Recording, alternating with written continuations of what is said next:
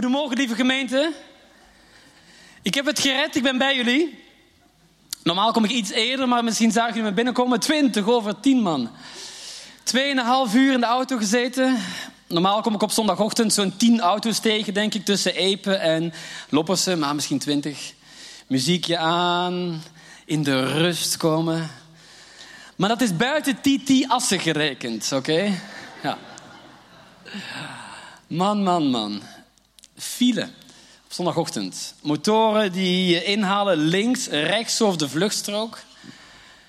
Wheelies maken naast je. Ja. Een rustig ritje was het niet. Maar ik ben er en ik heb er enorm veel zin in. En uh, ja, jullie ook? Mooi. De zon schijnt. Dat is heerlijk, want we gaan het vanochtend hebben over de seizoenen.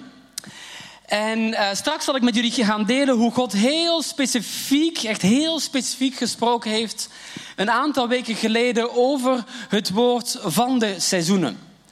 En het woord wat we vanochtend zullen gaan horen is een woord over vooruitkijken en niet kijken naar datgene wat achter ons ligt. Het woord wat we vanochtend zullen gaan horen gaat over ons geloof in Jezus en over de zekerheid die we hebben in Hem. En dat heeft ten diepste alles te maken met de seizoenen van het leven. En ook nu bevinden we ons weer letterlijk in een nieuw seizoen. Het is zomer.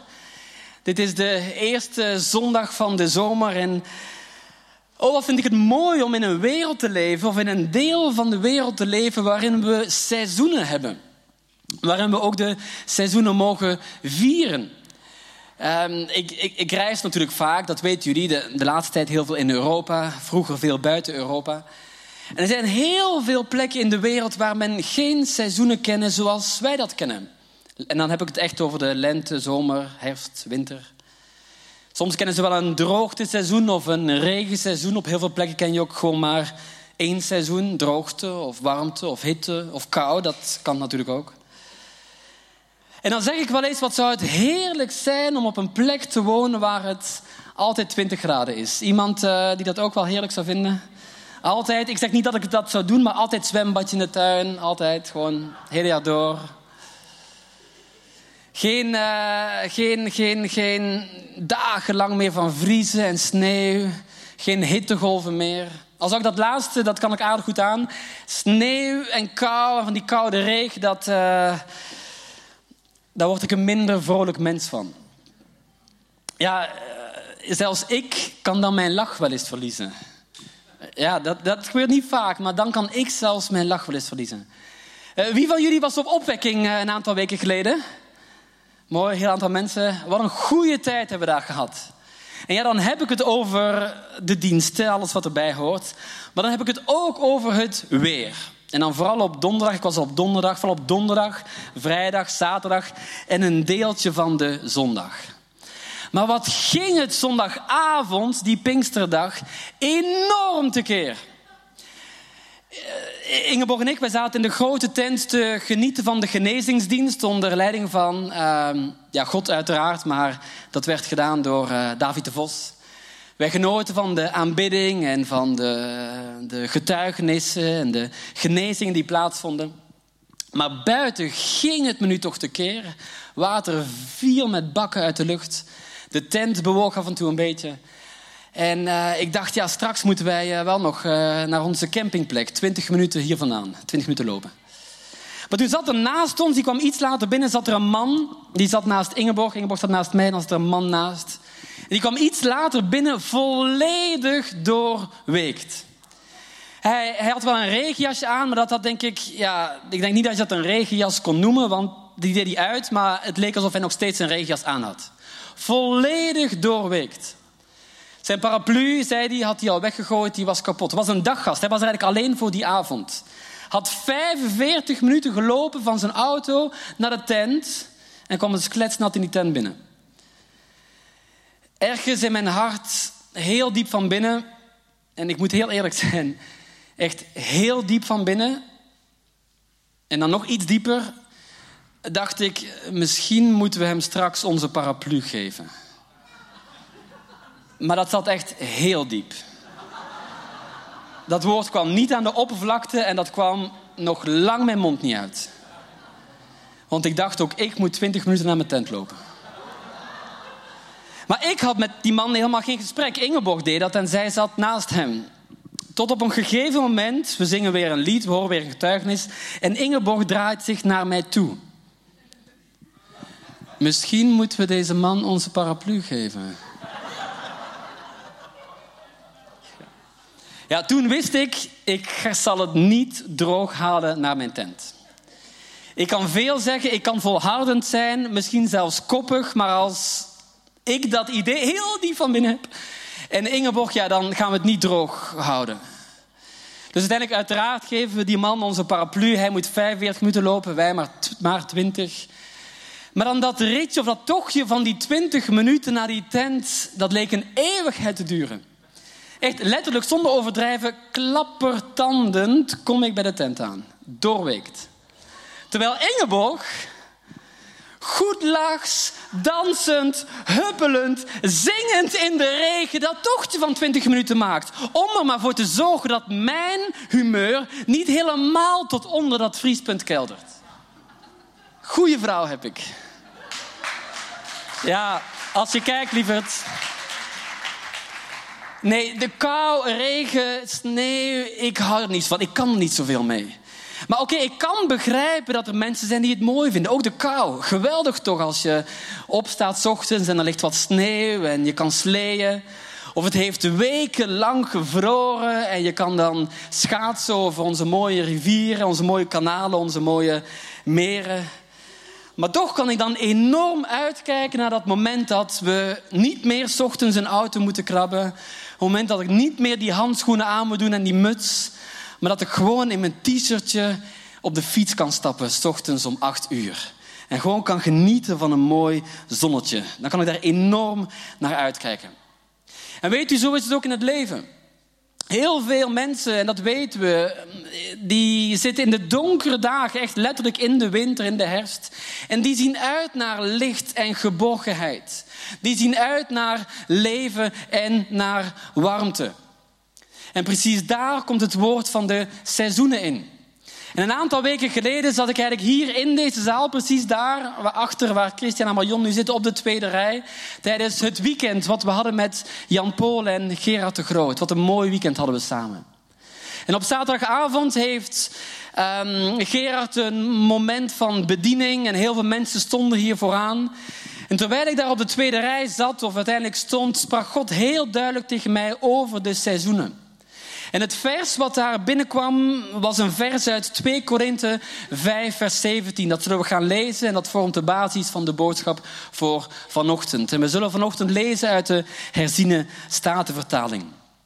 2 Korinthe 5, vers 17, daar staat: Daarom, als iemand in Christus is, is hij een nieuwe schepping. Het oude is voorbij gegaan.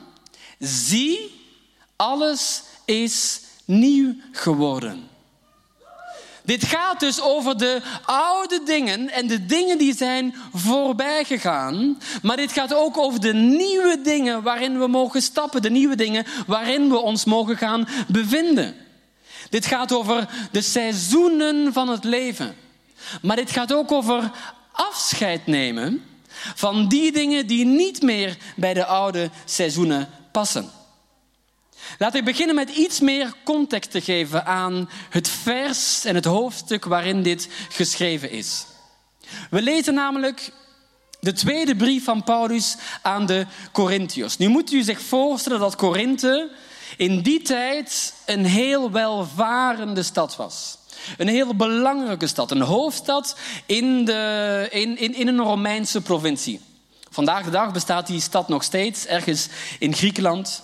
Maar in die tijd was Korinthe een heel welvarende stad, voornamelijk omwille van de handel die er gedreven werd. Dicht bij de zee, heel veel schepen konden erbij, werd heel veel handel gedreven.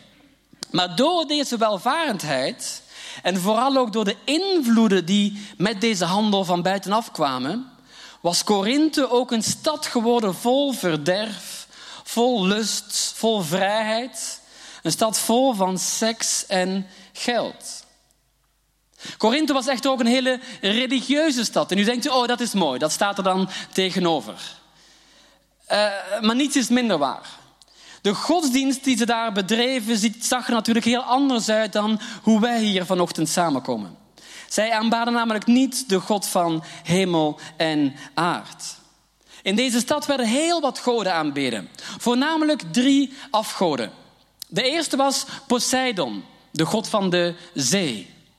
Want ze geloofden namelijk dat door die zee ze heel veel handel en daardoor de welvaart konden hebben. De tweede god was de god Apollo, god van de schoonheid en god van de muziek. Maar door de tempel van Apollo die zich in Korinthe bevond, was Korinthe een soort centrum geworden van homoseksualiteit. En als derde hebben we de godin Aphrodite, de, de godin van de liefde. En deze godin, heel bizar, deze godin had heel veel religieuze prostituees. Nu moet u weten, dat waren dus dames waarmee je dus de liefde kon bedrijven als offer aan de godin Aphrodite. Volgt u het nog? Als we dan dit hele plaatje van al deze afgoden bij elkaar voegen, dan kunnen we een beetje ons een beeld vormen van de levensstijl van de mensen die in en om Korinthe woonden. Een levensstijl van, van verderf, van lust en van seks. En dan komt Paulus aan in deze stad. Tijdens zijn wat wij noemen tweede zendingsreis.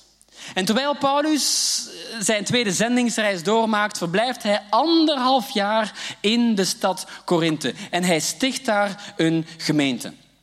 Maar na zijn vertrek onderhoudt hij heel veel contact met de gelovigen, met de kerk die hij gesticht heeft. En dat ging niet met e-mails of met WhatsApp of social media. Hij stuurde brieven. Niet eens twee brieven, niet één en twee Korinthe, nee, nog een aantal meer. In 1 Korinthe refereert hij namelijk naar andere brieven die hij al geschreven heeft. En als we dan deze brieven bestuderen, dan kunnen we inderdaad zien dat die levensstijl die waarschijnlijk de meeste Corinthiërs hadden, ook was doorgedrongen tot in de kerk. Hij heeft het bijvoorbeeld in 1 Korinthe over twisten, ruzies dus. Maar ook heeft hij het over hoererij en over het niet los kunnen komen van afgoden. Met andere woorden, men heeft het ontzettend moeilijk met het loskomen van een verleden.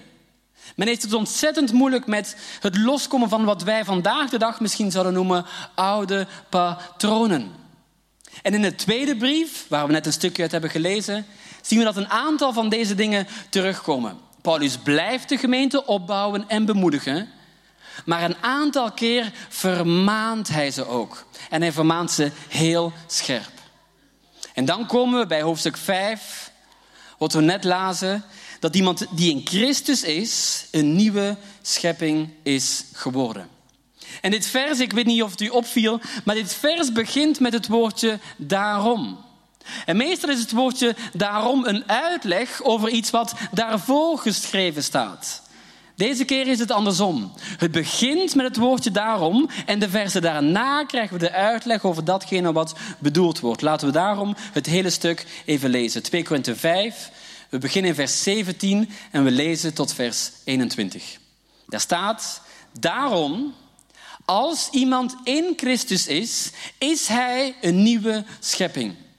Het oude is voorbij gegaan, zie, alles is nieuw geworden. En dit alles is uit God, die ons met zichzelf verzoend heeft door Jezus Christus en ons de, de bediening van de verzoening gegeven heeft. God was het namelijk die in Christus de wereld met zichzelf verzoende en aan hen hun overtredingen niet toerekende. En hij heeft het woord van de verzoening in ons gelegd.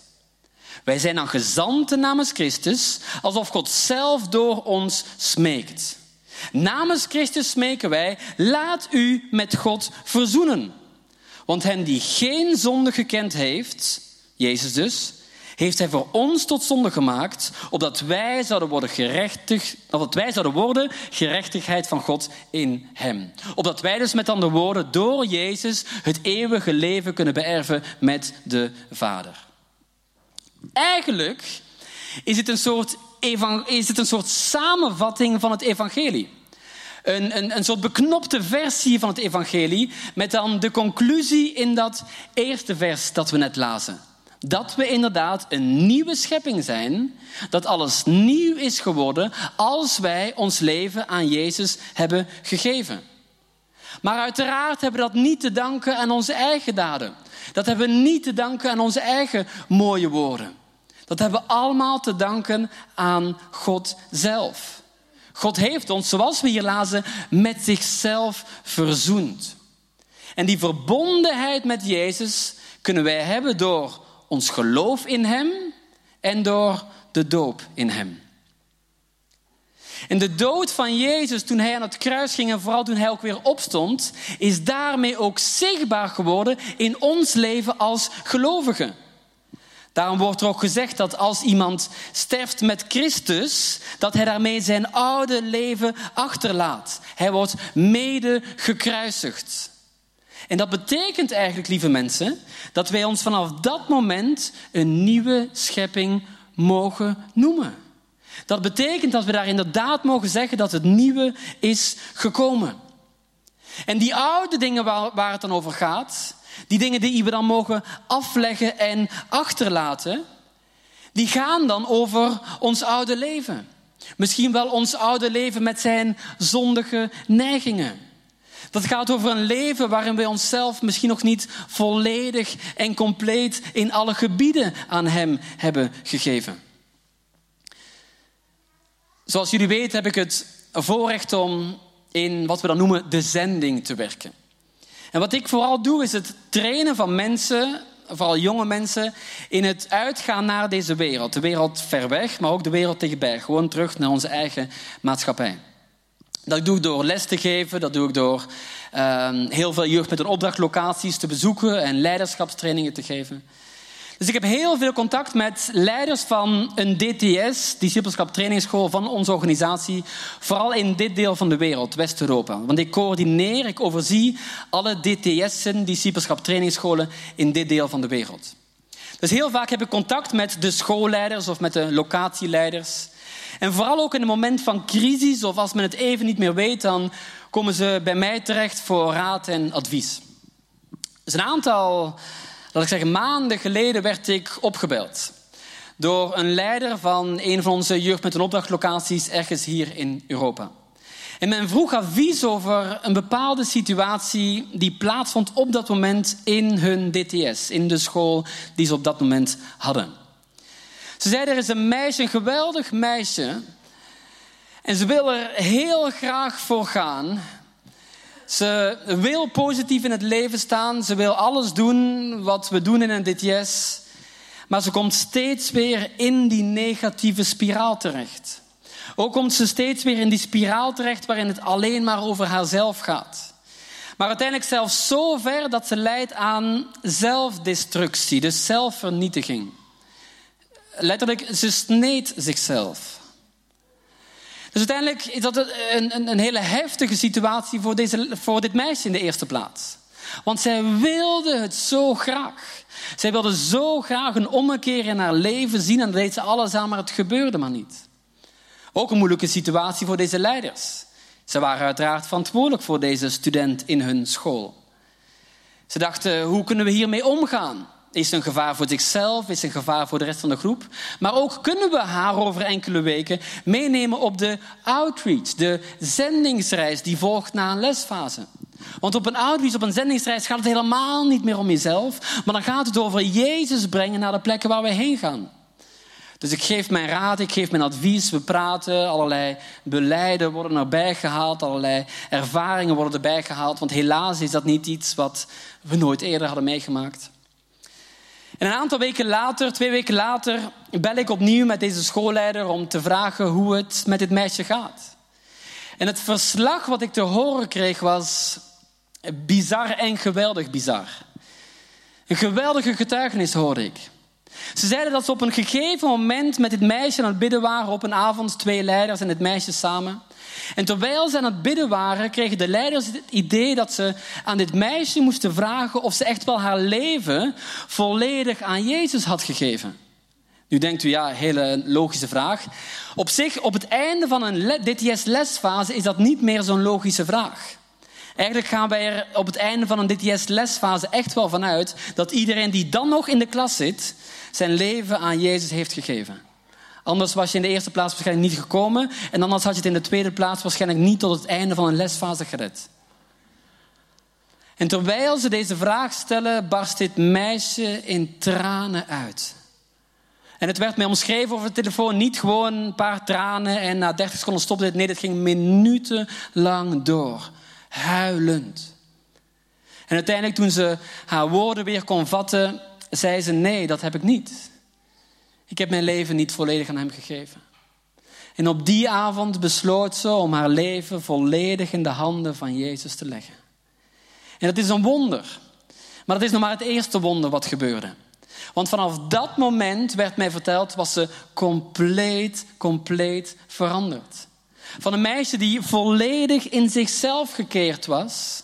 Van een meisje die alleen maar met zichzelf bezig was en vooral met het vernietigen van haarzelf een meisje wat alleen maar naar beneden ging in die neerwaartse spiraal, was nu een meisje geworden die in één moment veranderde naar een meisje die vol in het leven stond. Vol enthousiasme, passie voor Jezus en passie voor haarzelf. Een meisje wat goed langs door het leven ging en wat klaar was om anderen te vertellen over Jezus. Klaar was om te vertellen hoe Jezus mensen van de dood kan helpen. Is dat niet geweldig? Van dan komen we opnieuw bij dit vers. Daarom, als iemand in Christus is, is hij een nieuwe schepping. Het oude is voorbij gegaan. Zie, alles is nieuw geworden. En toen ik dit aan het voorbereiden was, moest ik heel sterk denken aan de woorden van de profeet Jezaja. Jezaja, een profeet in het Oude Testament, die namens Gods woorden deelde. En hier zien we iets soortgelijks, echt bijna letterlijk een kopie, of dan zou het andersom moeten zijn, want het is eerder geschreven. we zien bijna diezelfde woorden als die woorden van Paulus. Daar staat in Jesaja 43 vanaf vers 18, denk niet aan de dingen van vroeger, Let niet op de dingen van het verleden. Zie, opnieuw dit woordje zie, ik maak iets nieuws. Nu zal het ontkiemen. Zult u het dan niet weten? Ja, ik zal een weg aanleggen in de woestijn en rivieren in de wildernis. Dus opnieuw wordt halverwege dat vers het woordje zie gebruikt. Dat vind ik heel interessant. Paulus gebruikt het en Jezaja gebruikt het. Paulus zegt, zie, alles is nieuw geworden. En Jezaja zegt, zie, ik maak iets nieuws. Uiteraard zijn beide woorden van God. Met andere woorden, God roept ons op om onze ogen te openen. En hiermee bedoelt God absoluut niet onze fysieke ogen, maar vooral onze geestelijke ogen. Het is namelijk een enorme valkuil. Ik geloof ook een enorm gevaar om onze ogen gesloten te houden voor datgene wat God voor ons heeft klaarliggen. Meer zelfs, ik geloof dat het een enorm krachtig wapen is van de vijand om onze ogen gesloten te houden voor dat nieuwe. En daarom zegt God meerdere keren: open je ogen. Het is een enorm krachtig wapen van de vijand om alleen maar onze ogen te richten op het verleden. Om alleen maar onze ogen te richten vooral op het negatieve uit het verleden. Die dingen die niet goed gingen. Maar God zegt, zie, ik maak iets nieuws. Open je ogen en open je hart. Want het hart van God gaat altijd uit naar herstel en vernieuwing. God wil altijd herstel brengen naar die wonden die zijn geslagen in het verleden. En het mooie is dat hoe wij hier vanochtend samen zitten als gelovigen, wij mogen ons nu al verheugen, wij mogen nu al blij zijn met die nieuwe dingen die God op dit moment in ons leven bewerkt. Die levensveranderende opstandingskracht die in Jezus werkzaam was, is namelijk ook in ons. En uiteindelijk mogen we uiteraard uitzien Naar dat perfecte plaatje. Naar die tijd waarop de hele schepping vernieuwd zal worden. Zoals we kunnen lezen in het boek Openbaringen. Die plek waar er geen tranen meer zullen zijn en geen verdriet. Die plek waar we altijd in Jezus aanwezigheid zullen zijn.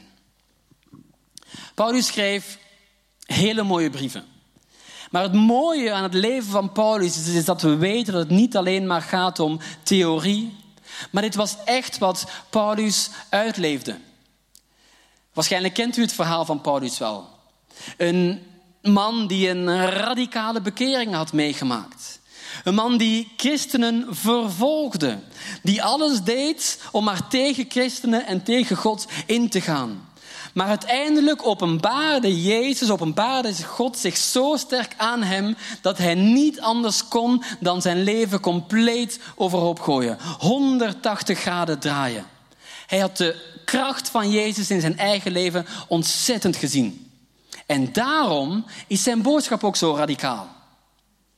We zien in een andere brief, in een brief die hij schrijft aan de gelovigen in Filippi, ook weer een stad, daar zien we dat hij soortgelijke woorden gebruikt. We kijken even naar Filippenzen 3, vers 14.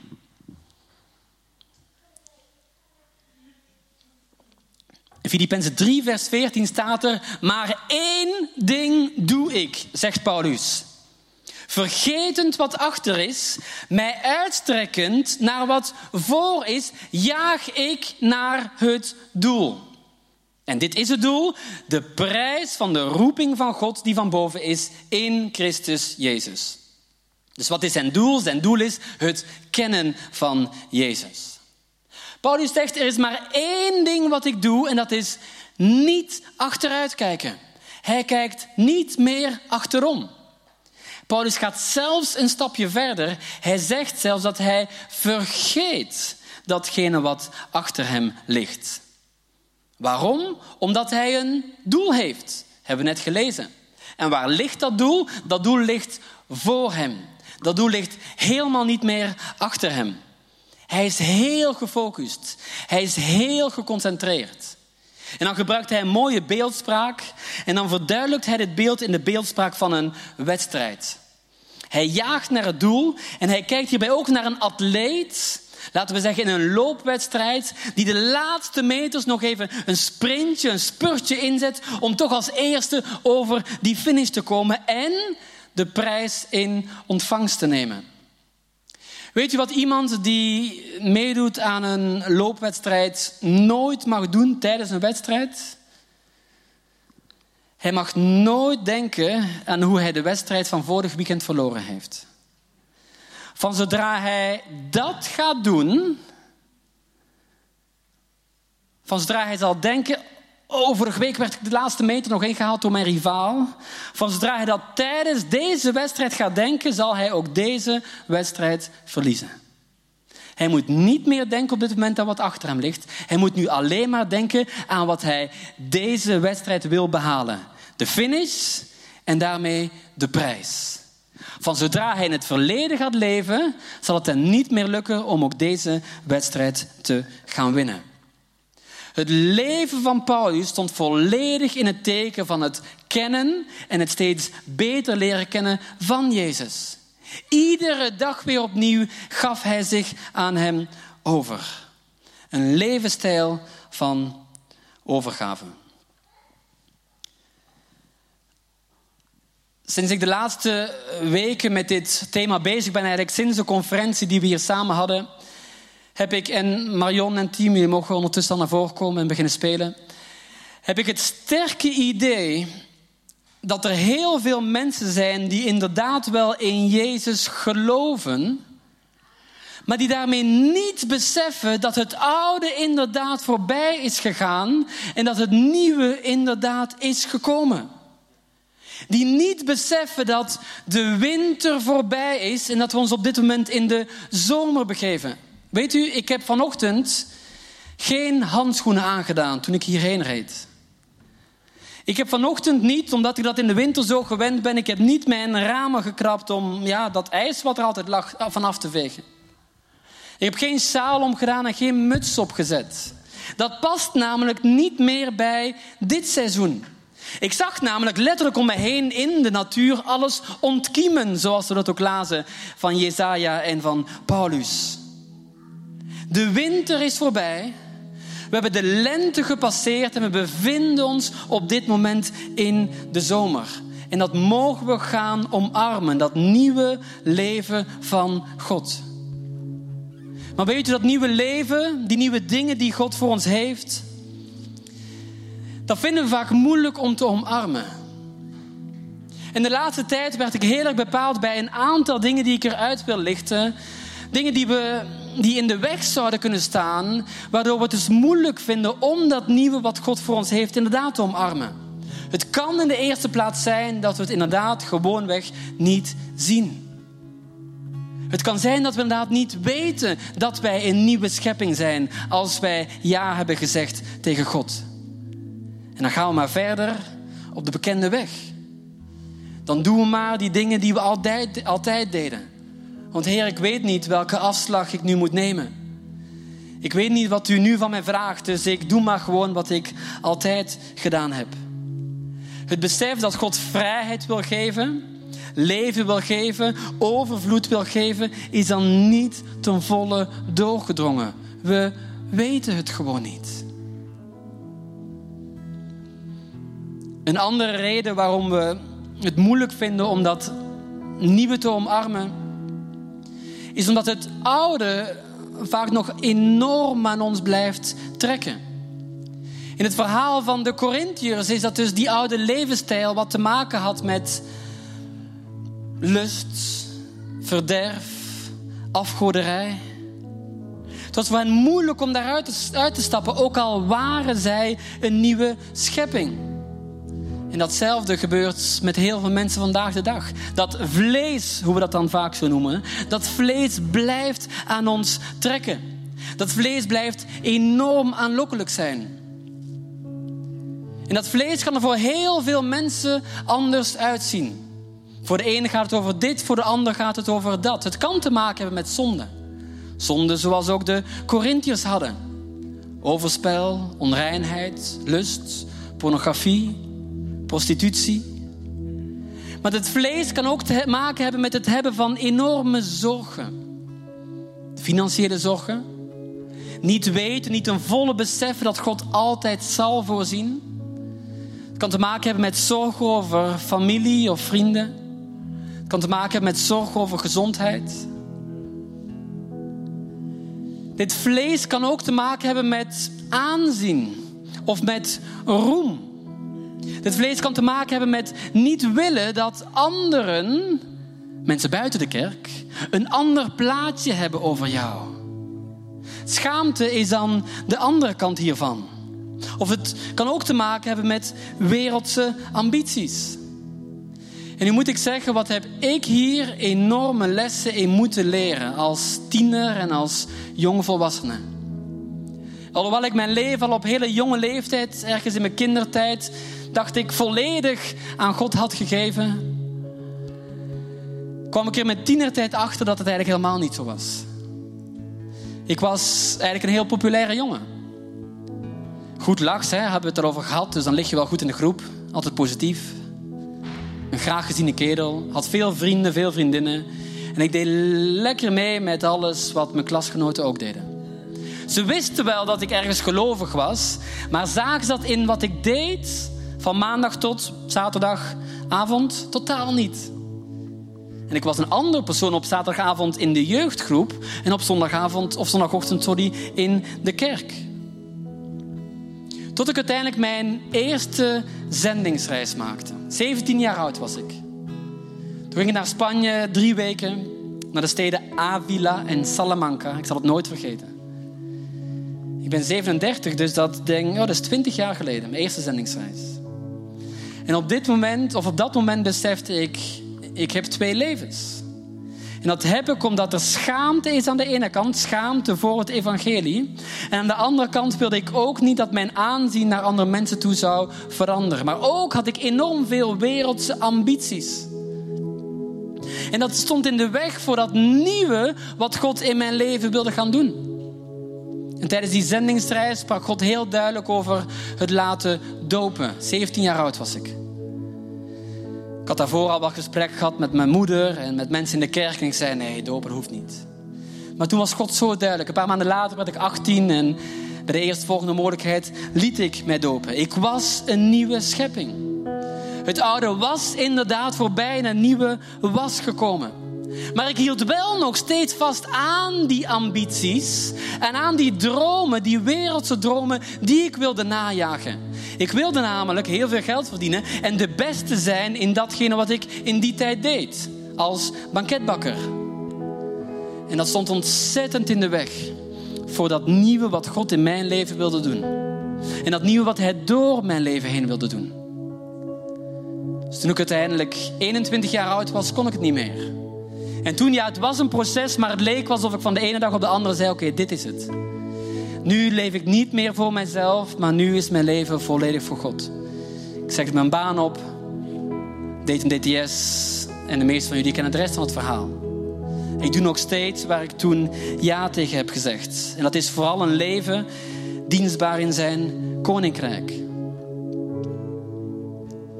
En dan komen wij bij wat ik denk de grootste oorzaak van het niet omarmen van dat nieuwe wat God voor ons heeft klaarliggen. En dat is dat wij een leven willen leven waarin we enorm veel zekerheden hebben. Dat is ook ons wereldbeeld hier in het Westen. Zekerheden opbouwen. Op heel veel, heel veel, heel veel verschillende gebieden. En dan vinden wij het moeilijk om ons handen te openen en om datgene wat daarin ligt volledig aan Hem te geven. En dan heb ik het, lieve mensen, in de kern over overgave. In de kern is dit een verhaal van overgave. En overgave is moeilijk. Daar weet ik, al, daar weet ik alles van. Weet u, ik maak prachtige dingen met God mee. Ik denk dat ik kan zeggen dat ik dagelijks prachtige dingen met God meemaak. Begrijp me niet verkeerd. Het is niet allemaal roze geur en maneschijn, oké? Wij gaan ook door crisissen heen. Als jeugd met een opdracht gaan we door crisissen heen. In mijn leiderschap ga ik daar doorheen. Maar ik maak dagelijks ook mooie dingen met God mee. Maar ik denk dat ik op het punt, kan zeggen, op het punt ben dat ik kan zeggen dat ik die dingen niet ten volle zou meemaken. Als ik niet iedere dag weer opnieuw zou zeggen: Heer, dit is niet mijn dag, maar dit is uw dag. Heer, niet mijn wil geschieden vandaag, maar uw wil geschieden vandaag. Ik heb een plan voor vandaag, maar als uw plan toch beter is dan mijn plan. Hopelijk hebben we het plan samen uitgewerkt. Maar als u toch weer andere dingen heeft voor vandaag, dan ga ik daarin mee. Vind ik dat gemakkelijk? Eh, nee. En met die nee bedoel ik echt nee. Maar het is een keuze. Om uiteindelijk dat nieuwe wat hij heeft weer te kunnen omarmen. En dan ben ik op opwekking en dan denk ik, oh, heerlijk. Ik hoef niets. Ik kom lekker als bezoeker. En dan brengt God mensen op je pad. En dan praat je met mensen. Dan kan je bemoedigen. En dan denk ik ochtends, oh ja, ik ga vandaag gewoon even naar de dienst. En in de zon zitten. En dan spreek je mensen. En dan kan je weer een spreekbuis zijn voor wat hij wil doen. En dan ben je weer beschikbaar. En dan maak je die mooie dingen met God mee. Maar het is zo gevaarlijk om in die oude patronen te blijven zondes, financiën, ambities, roem, schaamte en uiteindelijk overgave.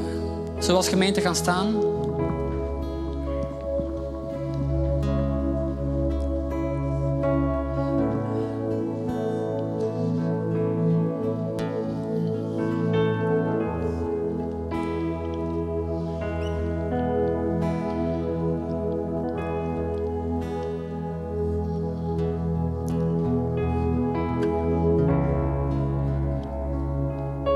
Jezus, hier staan wij.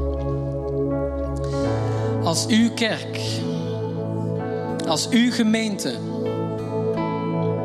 vandaag hier in Loppersum samen en online met elkaar verbonden.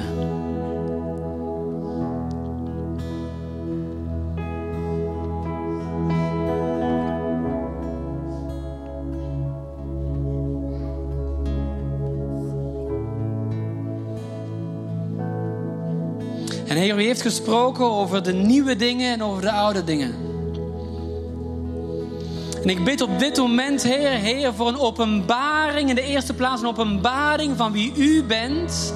En van het krachtige opstandingswerk wat U ook in ons leven op dit moment aan het doen bent. Opnieuw ligt ik dit woordje zie eruit. Dit van alle tijden dat we het niet zien. Jezaja zei het al, Paulus zei het al. Jezus, ik bid op dit moment dat u door uw Heilige Geest ons helpt om onze ogen, van onze geestelijke ogen op dit moment te openen voor dat nieuwe wat u heeft klaar liggen. Maar ook bid ik, Heer, dat u ons helpt om onze ogen te openen, zodat wij kunnen afrekenen met dat oude wat er is. Dat oude wat voorbij is gegaan toen wij ja zeiden aan u. Als God op dit moment tot u spreekt over een gebied in uw leven waarin u nog vastzit in oude patronen, nog vastzit in wat we dan zo noemen het vlees. En ik heb heel veel voorbeelden daarover genoemd. Kunnen die financiële zekerheden zijn, schaamte, roem, ambities, wereldse dromen, aanzien, maar ook zondes.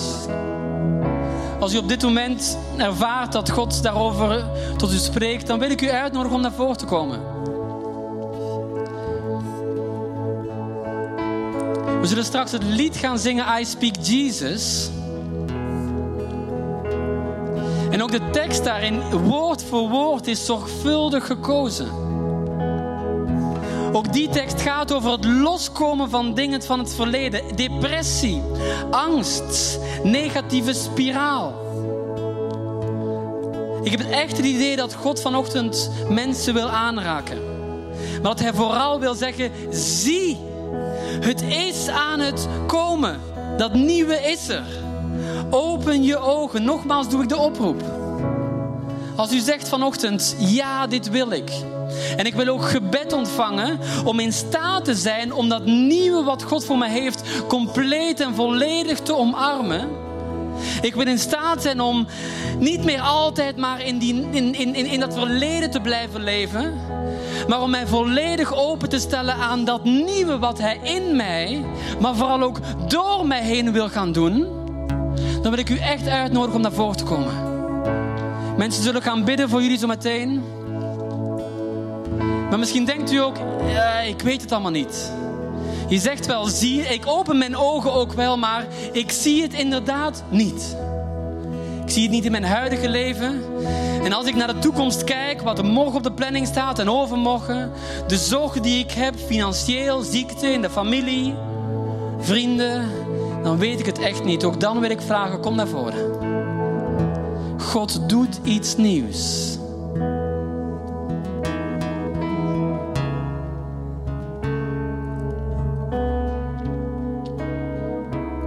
Jezus, en terwijl we hier zo staan als gemeente met elkaar verbonden, geven we u alle glorie. En zeggen we, Heer, inderdaad, het gaat om u. Heer, help ons ook om iedere dag weer opnieuw te zeggen dat het uw dag is. Niet mijn dag, niet jouw dag, niet onze dag. Nee, Heer, het is altijd uw dag. En ik bid, Heer, voor diegenen op dit moment die hier vooraan staan en een verandering willen zien in hun leven. Voor diegenen die inderdaad dat oude achter willen laten en dat nieuwe willen gaan omarmen. Heer, ik bid voor een nieuwe uitstorting van uw Heilige Geest. Voor een verfrissing van uw geest. Ik wil vragen of de mensen van het gebedsteam ook naar voren kunnen komen en kunnen bidden voor diegenen hier vooraan. En ook als we dit lied gaan zingen Weet u, ik geloof niet dat dit een moment is die dan voorbij gaat als we eenmaal een liedje zingen. Totaal niet. Als we het lied gaan zingen I Speak Jesus, dan spreken we Jezus zijn naam uit over die gebieden waarin, waar we het net over hebben gehad. Oké? Dus ook dan wil ik u vragen om uit de rij te komen en om te zeggen: Ja, Heer, op dit gebied van mijn leven, ik wil uw naam daarover uitspreken.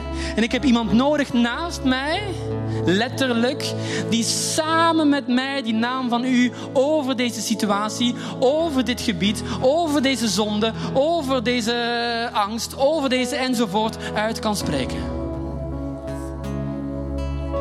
Jezus, we zegenen uw werk. En we danken u dat u altijd goed en trouw bent. En we spreken inderdaad uw naam uit. Over ons als gemeente, met elkaar verbonden. Maar ook over ieder individu hier vandaag aanwezig of via de livestream. U bent altijd goed en trouw.